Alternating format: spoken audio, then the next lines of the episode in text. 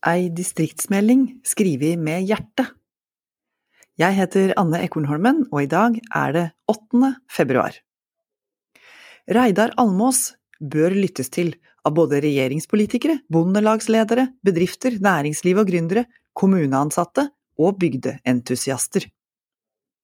Søker du opp Reidar Almås i Nasjonens arkiv, får du mange treff, sitater, intervjuer og kronikker. Bygdesosiologen runder 80 år i dag, 8. februar, og fagfeltet hans overlapper langt på vei med denne avisas formål om å ivareta bygdefolkets og distriktenes økonomiske, sosiale og kulturelle interesser.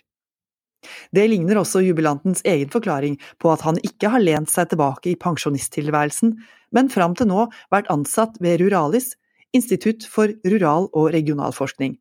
Han sier det brenner eit bål av vilje i meg til å forklare og forsvare Bygde-Norge. Den drivkrafta gjennomsyrer professorens siste bok Hva skjer i Bygde-Norge?, som lanseres i dag.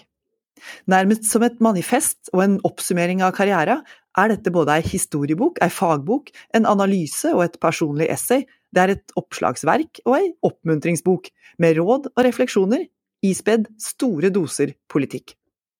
Ifølge Ruralis egen lokalsamfunnsundersøkelse bor en femtedel av den norske befolkninga i dag i et lokalsamfunn som de sjøl oppfatter og beskriver som ei bygd. Så hvordan står det til her ute i den mye omtalte periferien? Spørsmålet er høyst aktuelt, med krig, klimakrise, kraftunderskudd og grønn omstilling på dagsorden. Hvor vi lever og hva vi lever av, blir et tilbakevendende spørsmål, også politisk. Almås har et bredt blikk på bygdas betydning før og nå. De lange linjene dras innom Karl Marx og klassesamfunnet, vi- og mellomkrigstidas motkulturer, avholds-, lekmanns- og språkbevegelsen, der bygdeinteressene sto opp mot embetsverket og eliten, gjennom to runder med EU-kamp, bøndenes hitreaksjon for inntektsutjevning og fram til de siste åras distriktsopprør. I Almås analyser er kvinnekampen, det frivillige organisasjonslivet, demokratiseringa av høyere utdanning, innføring av velferdskommunen, odelsloven og bondeopprør 21 alle eksempler på utviklingstrekk som viser hvilken styrke det fins i bygdeinteressene, og den avgjørende makta de tradisjonelt har hatt og fortsatt har på norsk politisk kultur.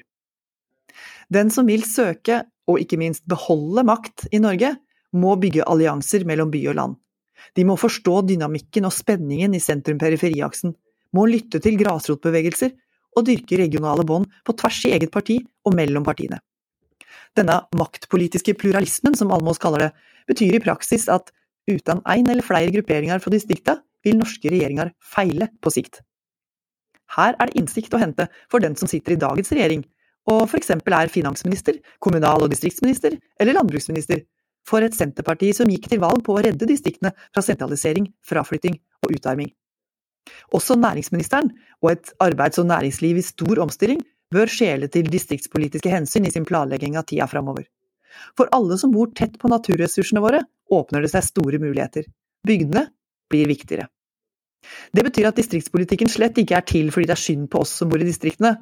Den er avgjørende fordi politikerne og samfunnet generelt må klare å opprettholde balansen mellom by og land, dersom vi skal ha tilgang til nok mat og rimelig energi i åra som kommer. Klimakrisa, det grønne skiftet og omveltende geopolitiske hendelser kan tyde på, som Almås skriver, at de områdene av landet som kan produsere mye energi og strøm, vil bli vinnere. Der vil, bli, der vil fabrikker for produksjon av batteri, hydrogen og metall bli lokalisert. Bergverksindustrien kan få sin renessanse. Nå har kraftutbygging og matproduksjon alltid foregått i distriktene. Dette næringslivet, med alle dets ringvirkninger, vil fortsatt ha bruk for mye folk. Almås' lange erfaring fra dette fag- og forskningsmiljøet gjør Hva skjer i Bygde-Norge til ei hel distriktsmelding i seg sjøl. Interessant for beslutningstakere, og høyst lesverdig for alle som er opptatt av samfunnsutviklinga, distriktene og forskjeller mellom by og land i Norge, også sammenligna med land som USA, Frankrike og Australia. Å følge sosiale og økonomiske trender tett over fem–seks tiår gir noen erfaringer og et kunnskapsgrunnlag å bygge ny politikk på.